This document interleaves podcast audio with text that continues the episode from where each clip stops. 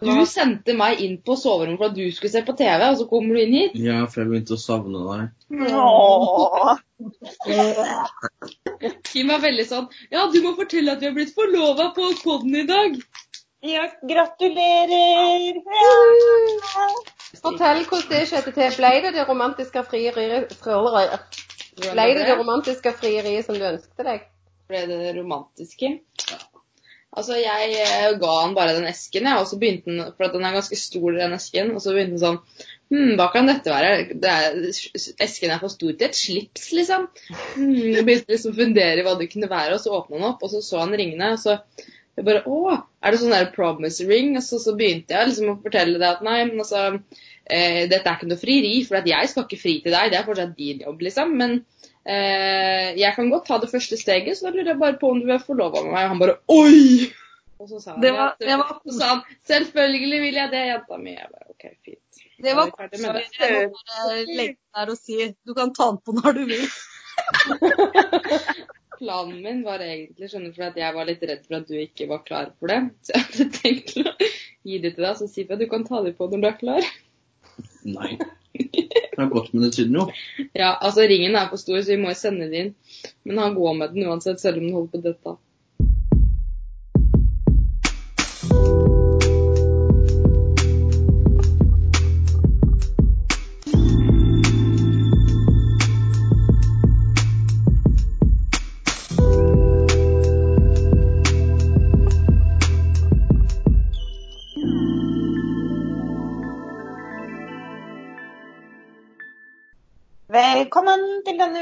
episode av Kjerringrådet. Hei, alle sammen. I dag er vi et fullsatt kjerringråd, og vi har rett og slett tenkt å ta en liten sånn corona-update. It's coronavirus! Skolene skal begynne opp igjen, og barnehagen skal slippe opp litt igjen. Frisører skal så vidt få lov til å starte, og andre sånne litt nødvendige ting skal i gang. Og i den anledning så tenkte jeg rett og slett at jeg ville høre med disse kjerringene mine. Hva tenker dere? Er dere klare for at landet skal begynne å åpne opp igjen, eller har dere litt reservasjoner?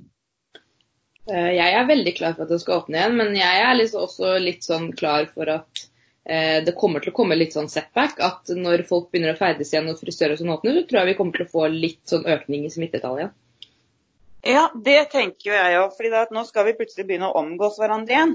Ja, sånn smått i hvert fall. Altså, de sier jo fortsatt at vi skal være med to meters avstand, og frisører får bare ha åpent på de og de premissene, men jeg tror fortsatt at vi kommer til å få en liten økning i smittetallene igjen. Altså, vi skal jo fremdeles ha strenge tiltak. Eh, og frisører Altså, du har ikke lov å ha med deg venninna di til frisøren. Du må gå sjøl. Eh, og samme med, med tatovører og i det hele tatt. De slipper kun inn de kundene som skal inn. De har kjempestrenge regler til hygiene og å holde avstand. Og når det gjelder barnehager, så vet jeg at det er mange foreldre og førskolelærere som er kjemperedde og bekymra Ja. for hvordan dette skal gå. Jeg er jo utdannet førskolelærer, så jeg har jo nødvendigvis venninner som er førskolelærere. Og det er ikke alle som er like positive.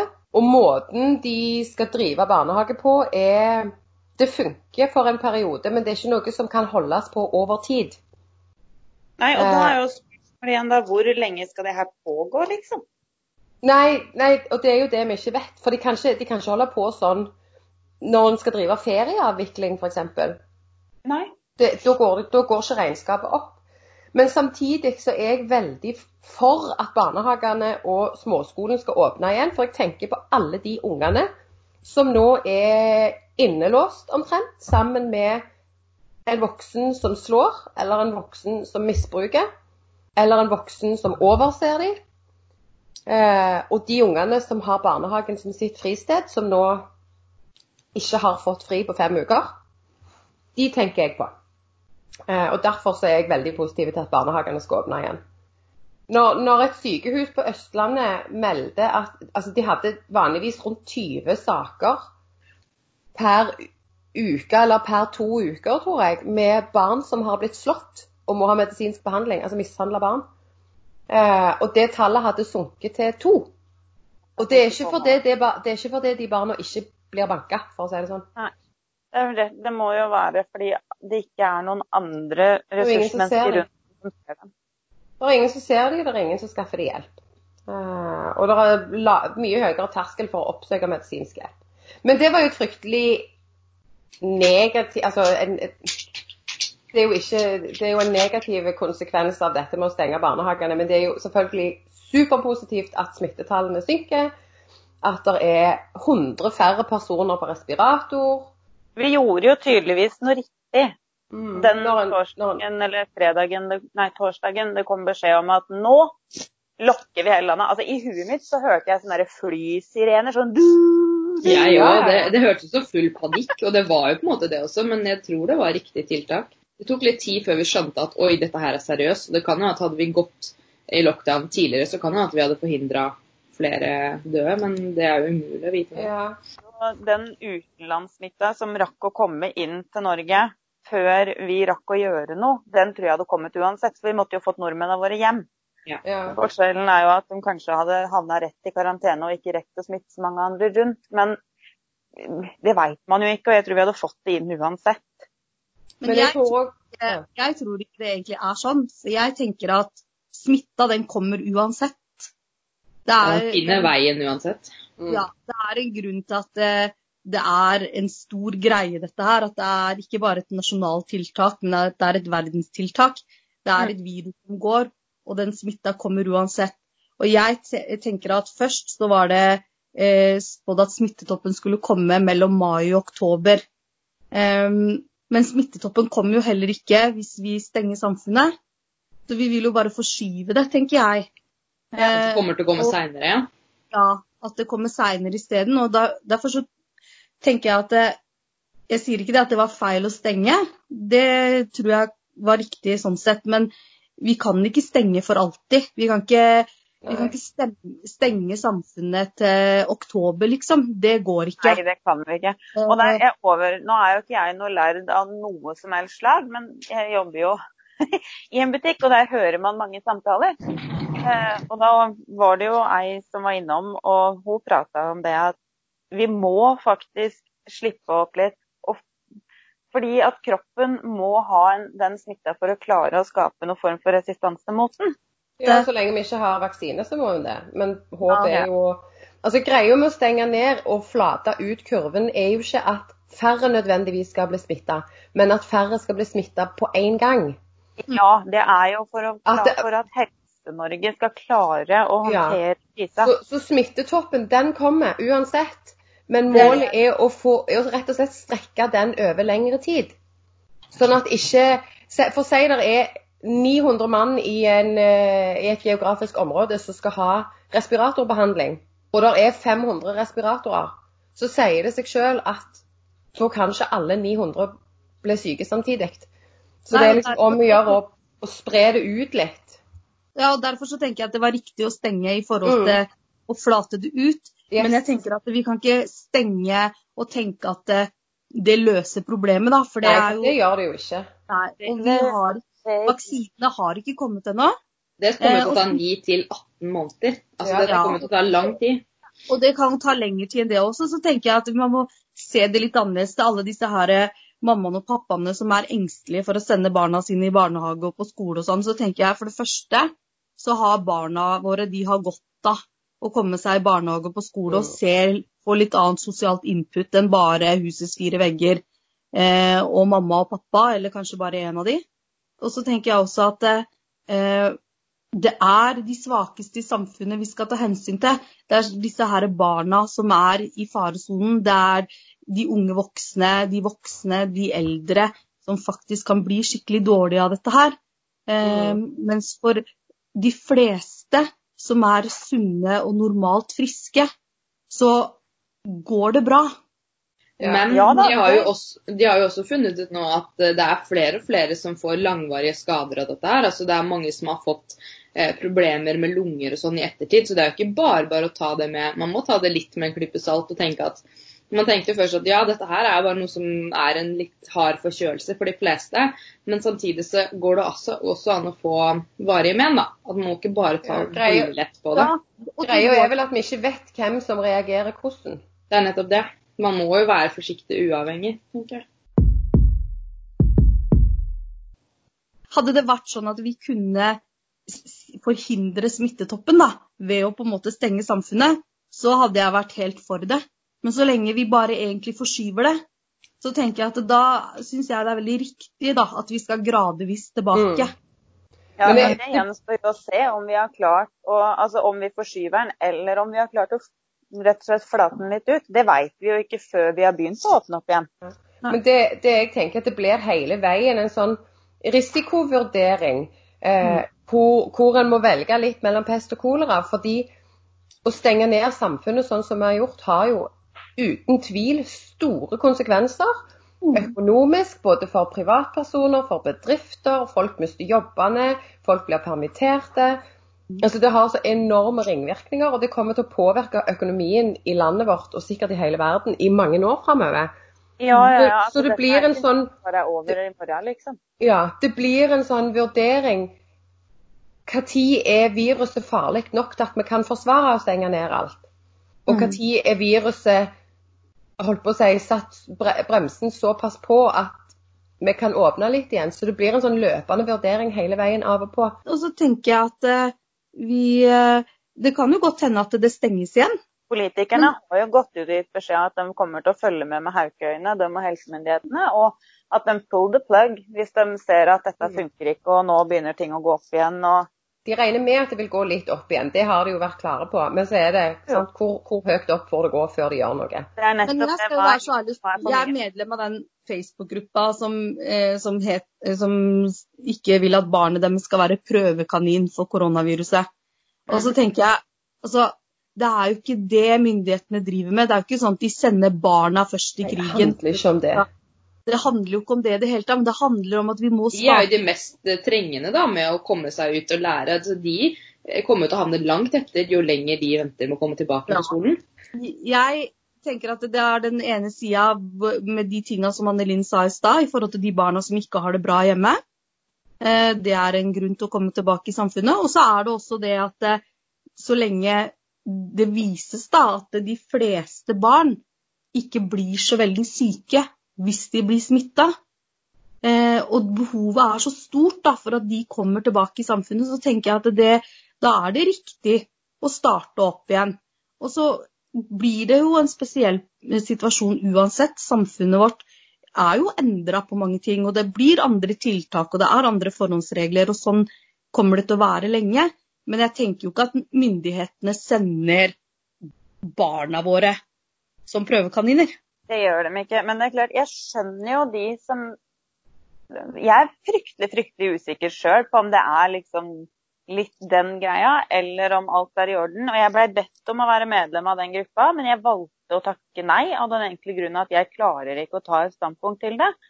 Men det handler jo om at for det første så har vi blitt fora med koronanyheter nå i ja, siden før stenginga. Og for det andre så går de lærde i både enten det er politiker eller helsemyndighet eller um, utdanna helsepersonell, altså de som på en måte har noen som helst forutsetninger til å kunne noe om det her, de strides så innmari seg imellom. Og det gjør jo at jeg som forelder blir usikker. Og, er, og da, derfor så valgte jeg å ikke bli medlem av den gruppa, fordi at jeg sitter litt sånn OK, på den ene sida så skjønner jeg dere, men på den andre sida så må, vil jeg jo prøve å ha tillit til myndighetene her i landet mitt. Vi må jo prøve det etter beste evne uavhengig, og det er jo de som bestemmer uansett. Ja, det er jo nettopp det. Og det, det er jo også en greie, da. At selvfølgelig, ja, du har rett til å holde barnet ditt hjemme hvis du fortsatt ønsker det. Da, du har all rett i forhold til lovverk til å lage hjemmeskole sjøl. Eh, men da må vi også huske på at du må stå for det sjøl. For de lærerne annet, som nå har laga hjemmeskole, skal jo på skole og ha undervisning for alle de som er der. Men det er jo derfor de åpner ikke hele skolen, men første til fjerde klasse. Eh, fordi, og barnehagene. Fordi For det første, så i skolen så har de da altså færre barn på et større område. De kan dele seg inn i små grupper og dermed begrense smitte på den måten. Mm. Men i tillegg så er det de barna som trenger tilsyn og SFO, som nå får gå på skolen. Det vil si at det er flere foreldre som kan gå på jobb. Mm. Ja, Og det er jo eh, for å holde gang i altså samfunnsøkonomien. Mm. Så det tiltaket med å åpne første til fjerde klasse er jo litt sånn altså Det er litt det er to grunner til det. Men mine damer, jeg lurer på Er det noen ting dere har syntes de, eller har sett de siste ukene som har vært en positiv endring? Eller opplevd som positivt? Vet du hva? Der vil jeg faktisk få lov til å løfte fram en ting med hjemmeskole. For jeg har jo da ja, Den yngste hos meg, han, har, eh, han er litt overalt. Han er en helt fantastisk gutt, og han er lynsmart. Men dessverre så har, er han veldig urolig. Og kan muligens ha litt andre forutsetninger på ting. Uh, uten at det er noe gærent med han. Men han har fått med seg mer nå av skolegreiene på de ukene vi har hatt hjemmeskole, enn det han har gjort siden jul og fram til det ble stengt på skolen i et klasserom med mange elever. Og der er jeg ganske sikker på at det ikke bare er min. Og det har jeg også fått bekrefta fra andre foreldre, at det med å ha unga hjemme i hjemmeskole har gjort at de har fått en De har endelig fått se hva barna deres kan. Ungene har lært mer. de har fungert bra. Det var kaos til å begynne med, men når rutinene har kommet på plass, så har det fungert. Og der vil jeg gi masse masse, masse kreds til lærerne som har sittet rundt omkring og laga dette opplegget. De jobber mye når de er på skolen, men fytti det grønneste og mye de har jobba nå i den perioden her. Og at de da har klart å lage et opplegg som fungerer så godt som det i hvert fall har gjort hos oss, da. Det syns jeg er helt fantastisk. Og jeg bøyer meg i støv og tar av meg hatten og lager diplom og alt meg. Jeg syns jo at uh, en annen ting som også har vært veldig positivt, er jo det med at uh, når alt av fritidsaktiviteter og alt på en måte er lagt ned, uh, så er jo dagene Selv om nå syns jo jeg at det å ha hjemmeskole har vært rimelig hektisk, i hvert fall for en av mine barn. Den ene er veldig selvgående, den andre er på ingen måte det. Han har vel aldri hatt så tom blære noen gang som det han har hatt når vi har hatt hjemmeskole. Eh, rask på, rask på å gå på do.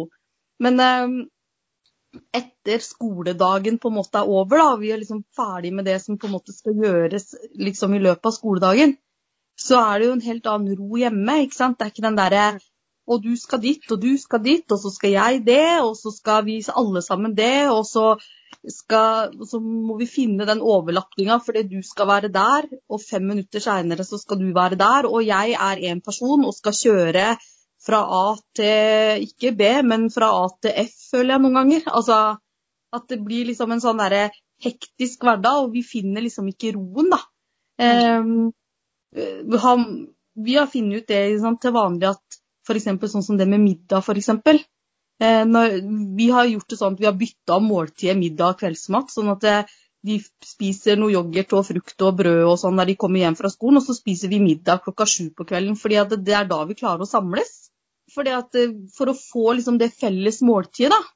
At ikke det blir en sånn derre en sitter ved bordet og en står ved kjøkkenbenken og sluker i seg. ikke sant? For hverdagen er ganske hektisk. Og det syns jeg jo at den ikke er nå.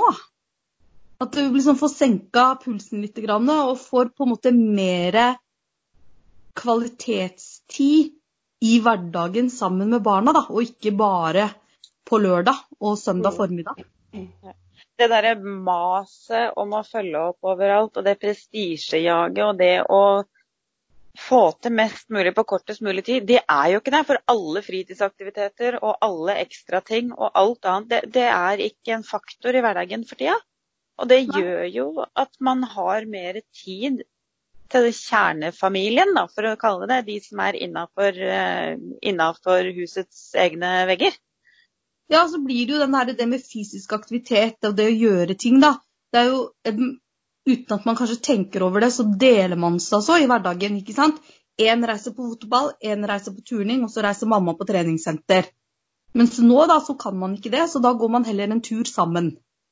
Eh, og, og, på en måte bruker den tida mer og Får kanskje mer ro til å liksom se en film sammen på kvelden, eller gå den turen, grille i skogen og liksom gjøre litt sånne koselige ting da, som man kanskje ellers ikke har tid til eller orker fordi at det, det er kaos? Altså, jeg for min del eh, syns jo det er veldig greit med dette her Altså disse reglene med Den tometersregelen, eller metersregelen.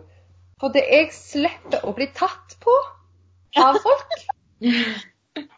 Eh, jeg kan stå i kø på Rema uten at det står folk helt oppi meg. Så den, det er jo noe jeg håper fortsetter etter dette her og over òg. Denne her pliktklemmen som er så forventa når du treffer folk du ikke har sett på en stund, den er det ingen som forventer lenger. Det syns jeg er veldig positivt. Det er ingen som driver og tar på meg mens de snakker lenger. Nei, det er, dette, her, dette her med, med mindre fysisk kontakt kjenner jeg jeg setter fryktelig stor pris på. At jeg bare kan velge sjøl når jeg vil ha fysisk kontakt, og hvem jeg vil ha det med.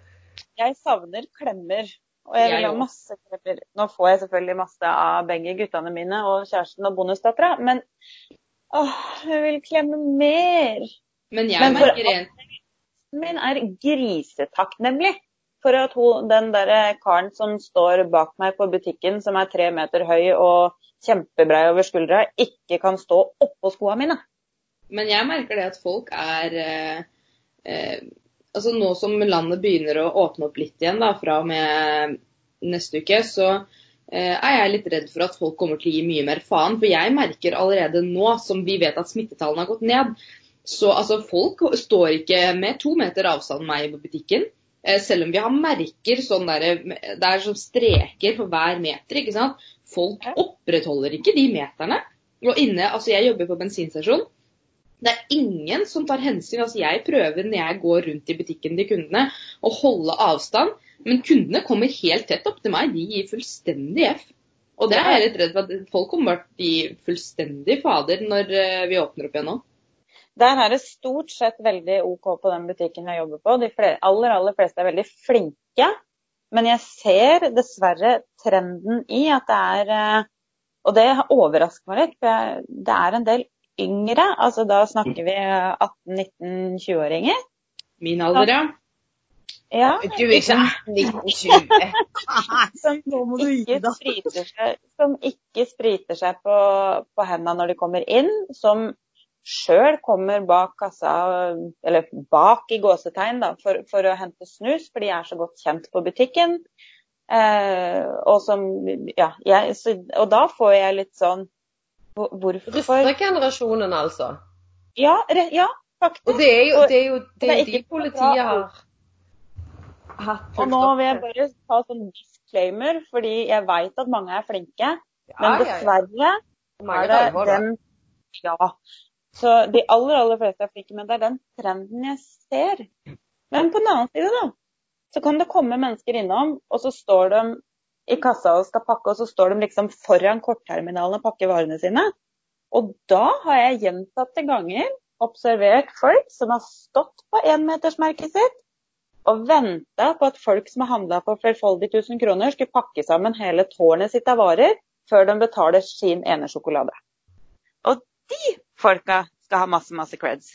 Men nå Men altså, har det jo folk- også hendt at jeg har spurt den som pakker varene sine Unnskyld, kunne du bare runde av hjørnet, for da kommer den personen til bankterminalen. Men altså, folk som dridler i butikken, er jo en ting Unnskyld, på en unnskyld god meg, hva, hva betyr dridle? Somle. Okay. Ja, Mm. Folk som somler i butikken. Folk som står på feil plass og pakker varene sine. Folk som kommer med et fjell av varer og, og legger på båndet når de ser at han bak står med en sjokolade. Det er jo, det er jo rævhull på en god dag, tenker jeg. Jo, jo, jo. Sånn generelt sett. Det. Vi kunne hatt en, vi kunne hatt en egen episode om atferd i butikk. Ja. For der er det litt å sette tennene i. Men med da åpning igjen av skoler og barnehager og det som er, så begynner jo det å nærme seg den fort forestående sommerferien. Og da, Jeg leste jo på Facebook her at det var et spørsmål om eh, så, hvor skulle årets sommerferie gå? Til Costa del Sofa eller Los Verandas? Og hva tenker dere, da med? Er det noe, Blir sommerferien i år eh, kan, kan den bli like stas som alle andre sommerferier når vi ikke kan ut og farte som vi vil? Og har dere noen planer? Altså, Vår plan var at vi skulle til Playa del Plen uansett. Eh, Playa del Gressplen ut forbi her.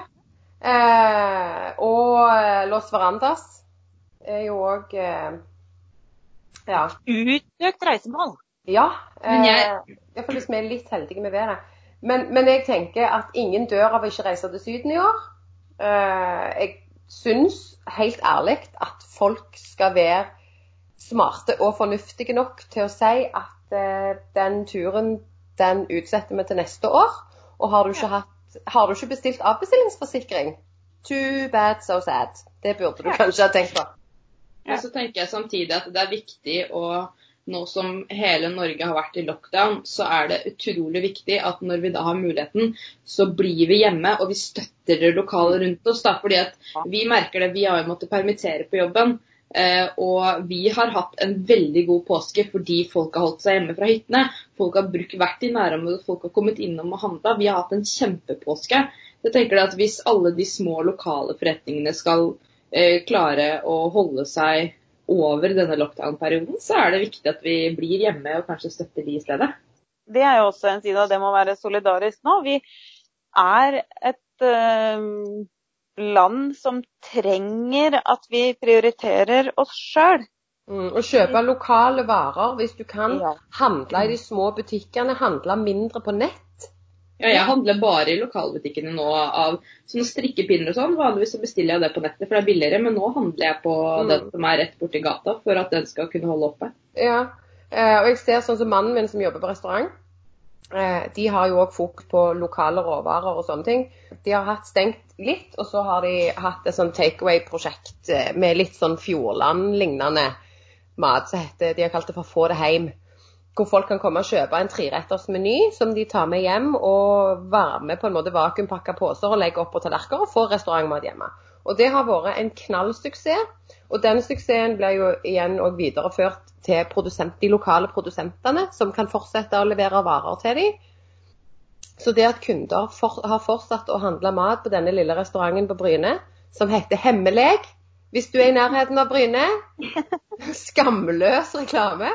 Eh, så så eh, Altså at folk, det, det at folk har brukt de gangene ikke bare de, men det gagner òg produsentene deres.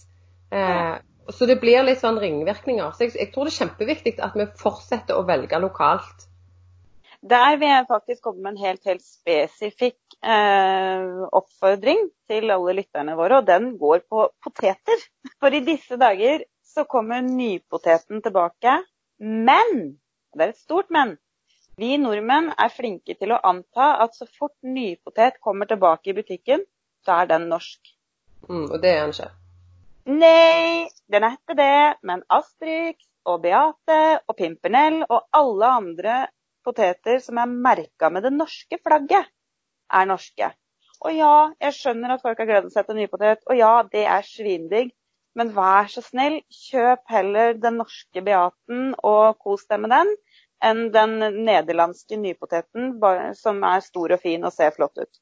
Den norske nypoteten er liten, smaker mye bedre og er absolutt verdt å vente på. Hele greia med ny potet er jo at den skal være liten. Altså, Hvis jeg må dele den i to, så er den for stor. Og sånn er det jo med masse andre grønnsaker og andre råvarer vi har òg. Det er mye som er norsk, og, mye, og det norske er veldig, veldig godt. Sånn sett så er vi heldige med at denne lockdown-perioden har skjedd altså det har skjedd på våren og mot sommeren. Fordi Ja. da har vi de norske råvarene. For, for det er lite spennende norsk utvalg på vinterstid. Det er liksom potet og kålrabi. Så, sånn sett er vi heldige at vi kan velge eh, norske grønnsaker. Bruk gjerne òg disse her gårdsutsalgene. Det er jo så masse gårdsutsalg rundt omkring. Rekoring er det det heter. Ja, det har vi her også. Ja, det har vi her òg. Er Her er det bare skilt på veien. Gårdsutsalg. Og så Ja, det en er parkeringsplass. Og så er det et Vipps-nummer. Det er jo veldig enkelt, da. Enkelt Ja, ja, ja. Og ferskt. Da skal jeg komme med en liten sånn artig nyansering, da, som det kan hende at de aller aller fleste miljøforkjempere vil hate meg for. Og jeg får bare med en gang si at det er min personlige mening, så jeg ikke drar med meg kjerringrådet i dragsuget. Men nå kan det jo hende enkelte får opp øya og innser at det er kanskje ikke landbruket i Norge som er de største miljøsvina med sine kuer som går og promper og bæsjer. Det kan hende at noen nå må bite i et surt eple og innse at vi faktisk må ha landbruket vårt. og at det er ikke dyr som går og beiter i utmark, som utgjør det største CO2-utslippet vårt. Nei, og det er det ikke heller når det gjelder kjøttproduksjon, altså. Nei, Det det har det aldri vært. Så eh, som sagt, det er min Men det er en egen episode. Vi har mange episoder er- vi nå. Ja, ja, ja. Jo, men få de på lista.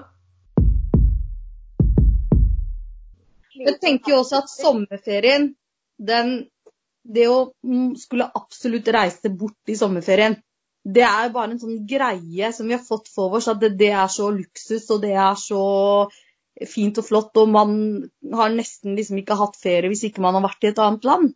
Mm. Men Norge er jo et helt fantastisk land. Ja. Og kanskje det som ofte er problemet, er at det, vi har ikke vært på ferie i nærområdet vårt. Vi tenker ikke over det. Vi reiser ofte alle andre plasser. Men kanskje at i år da, så kan man ta seg tid til å, å utforske den plassen man bor.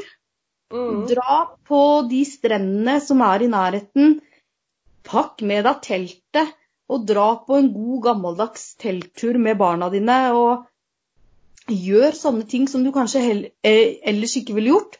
Fordi at ferie er jo faktisk rett og slett å gjøre noe annet. Mm. Være sammen. Gjøre noe sammen som en ikke gjør hver dag. Da tenker at Man må ikke sitte ti timer i et fly for at det skal være ferie. Så får man eh, tenke at i år da, så skal man eh, dra på bilferie innen fylket sitt. De vil jo heller ikke, de sier også at vi skal begrense fritidsreiser. Så det er om å gjøre å finne på ting i lokalsamfunnet. Det er faktisk veldig kjekt å være litt turist i egen by. Eh, Ja. det, det å være turist i egen by er kjempegøy. Å gå litt på museer, spise en lunsj ute eh, og gjøre litt sånn turistting i byen du kommer fra. For, for det har du faktisk gjerne aldri gjort før. Nei, og tenke at det kanskje ungene dine har godt av å bli kjent med plassen de kommer fra. Og ikke bare liksom Ja, jeg kommer derfra, og det betyr at eh, vi spiller fotball, og vi går på skole, og vi er på matbutikken eh, og det lokale kjøpesenteret. Men at det i, i, på den plassen du kommer fra, da, så er det faktisk ganske mange andre kulturting som skjer. Mm. Som dere som familie ikke tenker over fordi dere drar på kulturting et annet sted. Ja, så. Jeg må jo bare skyte inn at jeg er jo da en av de som sitter nå og vrir hjernebarken alt jeg kan for å klare å få til reise i sommer, men det handler jo om at jeg har en mamma på andre sida av landet. Det å reise og besøke det, det å reise og besøke familie, eh, altså nær familie, tenker jeg er ikke helt det samme som å reise på charterferie til Syden. Nei. Eh, det er to, for jeg vurderer òg å ta en, telef ta en telefon, ta en tur eh, til Rena for å besøke søsteren min som bor der. Mm. Og det er jo òg på andre kanten av landet.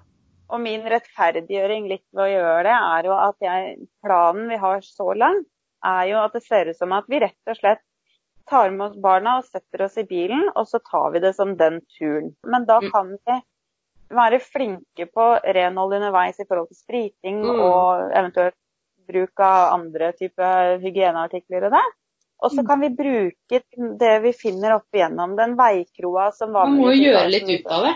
Mm, Ja. Gjøre det til en roadtrip. Og det var min plan òg hvis jeg skal til Rena. Da er planen å kjøre. Og på veien backe opp under små lokale bedrifter Mm. som sårt trenger den boosten med at en familie på fire eller fem kommer innom og kjøper et måltid. Hva tenker dere om 17. mai, da? Det kommer til Altså, jeg har lest litt om hvordan det blir. Nye hvitt-blått tjo, hei! Nei, nå, 17. mai blir jo litt annerledes i år, vil jeg tro. Eh, 17. mai-toget her i Stavanger eller i Stavanger er avlyst. Og her i Sandnes er jeg litt usikker, men jeg tror ikke det blir noe tog der heller. Eh, Ikke i Oslo heller. Nei, det er òg Vi har ikke hørt noe ennå på den lille plassen jeg bor på, Eh. men jeg velger jo å anta at de stiller seg bak nasjonale retningslinjer, og at sånn stor Ja, jeg, er avlyst. Jeg regner ikke med at det blir noe arrangement på skolen, eller Men at det, holdt på å si, det foregår ting via TV, da. Som vi kan følge med på. Og det, det er helt supert. Vi har jo barn som ikke er spesielt glad i store folkemengder og, og sånne ting, så vi holder oss mye hjemme på 17. mai i utgangspunktet, så det blir ikke så veldig annerledes for oss. Eh, men det blir vel middag og grilling, tenker jeg. Som før. Altså, jeg har allerede begynt å tenke i de baner at hvis det ikke blir noe særlig, særlig eh, arrangement, så blir det Da drar jeg med meg han eh, tømrermannen min, og så får vi snekre sammen en pølsebod. Altså søppelsekker fungerer utmerket i- istedenfor gamle potetstriesekker. Ja, og så får vi lage potetløp i hagen. Og så får vel kanskje isbilen en skikkelig salgstopp rett før 17. mai. Jeg tror kanskje det her blir året hvor jeg virkelig får testa hvor mange is barna mine egentlig klarer å spise på 17. mai. Og så har jo, og så har jo myndighetene sagt at vi kan være sammen med familie. Ja. Det er jo ikke sånn at de har sagt at du skal sitte alene hjemme med tre stykker og ikke ha en feiring. tenker Da får man feire da sammen med besteforeldre og Mm. gjøre en greie ut av det. Og så tenker jeg at For det er så mange som bruker ordet avlyst. Men jeg syns vi skal liksom huske litt på det i forhold til ungene våre også. At det, ikke vi bruker det ordet hele tida. At det, å, 17. mai er avlyst. Det er jo ikke avlyst. 17. Nei, mai er kommer, ja. Den er bare annerledes enn det den pleier å være. Det samme som ø, fritidsaktiviteter eller arrangementer de skal på, at det er ting som de har gått og gleda seg til, så er det ikke det at det er avlyst, det er bare blitt flytta på til seinere, ikke sant. Det kommer. Det, og, og jeg tror at det kanskje, for alt vi vet, kanskje det er den fineste 17. mai-en. Ha. ja, som vi kommer til å ha. Jeg ha. har skikkelig trua på det. For hvem er, hvilken småbarnsmor er det ikke som står og holder på og hyperventilerer på morgenen på 17. mai? For her skal alle skjortene være nystrøkne. Alle bunadstakker skal være helt glatte. Alt sølv skal være strigla.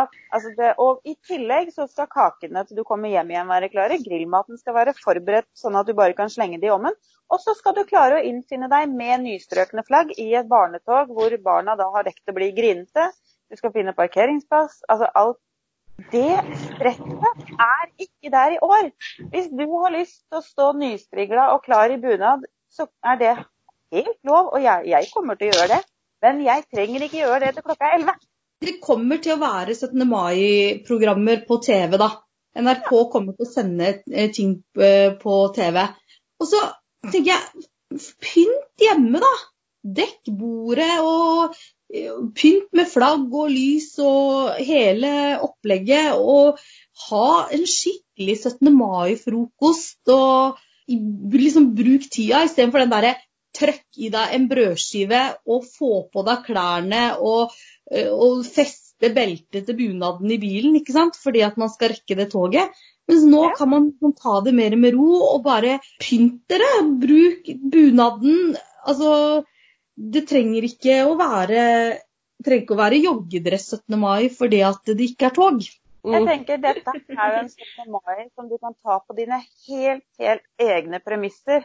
Og hvis ikke det bare er å omfavne og nyte for alt det er verdt uh, Ja, nei, jeg, nå kjente, jeg må innrømme at før jeg begynte å prate om det her nå, så jeg har vært litt sånn at ja, vi skal prøve å få ordna til det beste vi kan for unga, og så må vi se hva vi klarer å få til. Men nå har jeg hypa meg opp så mye at jeg gleder meg til 17. mai.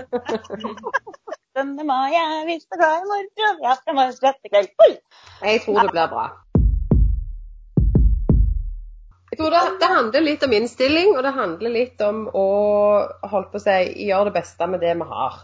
Eh, og, og tenke litt på at vi kan lære noe både i år, men òg ting vi kan ta med oss til framtidige år.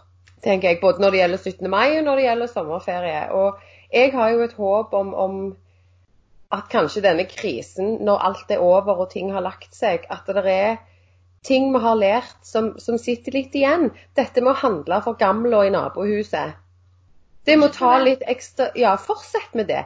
Fortsett å ta litt vare på hverandre. Eh, fortsett å drikke vin på Skype når du sitter i hver sin stue. Det er jo kjempekoselig.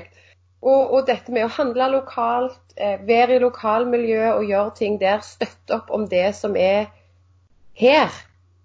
Og, og hele synet på dette, sånn som du snakket om med sommerferie, det må ikke være all inclusive i Syden for å være en sommerferie. Eh, og jeg, jeg håper at, at vi lærer ting som, som gjør at vi kanskje tenker litt annerledes i framtida. Det håper virkelig jeg òg. Og jeg tenker jo at med den fine konklusjonen som i dag kom fra Anne Linn, det har ikke jeg tenkt å konkludere noe mer. Men jeg har lyst til å avslutte episoden i dag med å bøye meg i støvet og dele ut masse airhugs til alle som tar tiltakene på alvor. Til alle ansatte i skole og barnehage som nå skal ut og passe på våre kjære små. Til alle renholdere, butikkmedarbeidere, transportører av alle mulige slag. Og helt sikkert mange andre jeg nå har glemt, men absolutt alle som er der ute og som gjør sitt beste, enten det er via å reise på jobb og utsette seg for sosial kontakt, eller det er ved å holde seg hjemme i sofaen og ha hjemmekontor. All cred sendes til alle sammen, altså. For dette har vært en sinnssyk dugnad, som det kalles. Og de aller, aller, aller fleste har virkelig gjort det de kan for å stå på for dem. Og husk, vask hendene, hold avstand, bli hjemme hvis du er syk. Og nys og host i albuen. Tusen takk for i dag. Vi har eh, masse mer snadder på lager, så fortsett å følge med på Kjerringrådet. Dere, dere hører episodene våre på Spotify og på iTunes. Og dere kan ta kontakt med oss på Facebook, følge oss på Instagram, og så skal vi fortsette å gi dere godbiter hver mandag. Adios, amigos!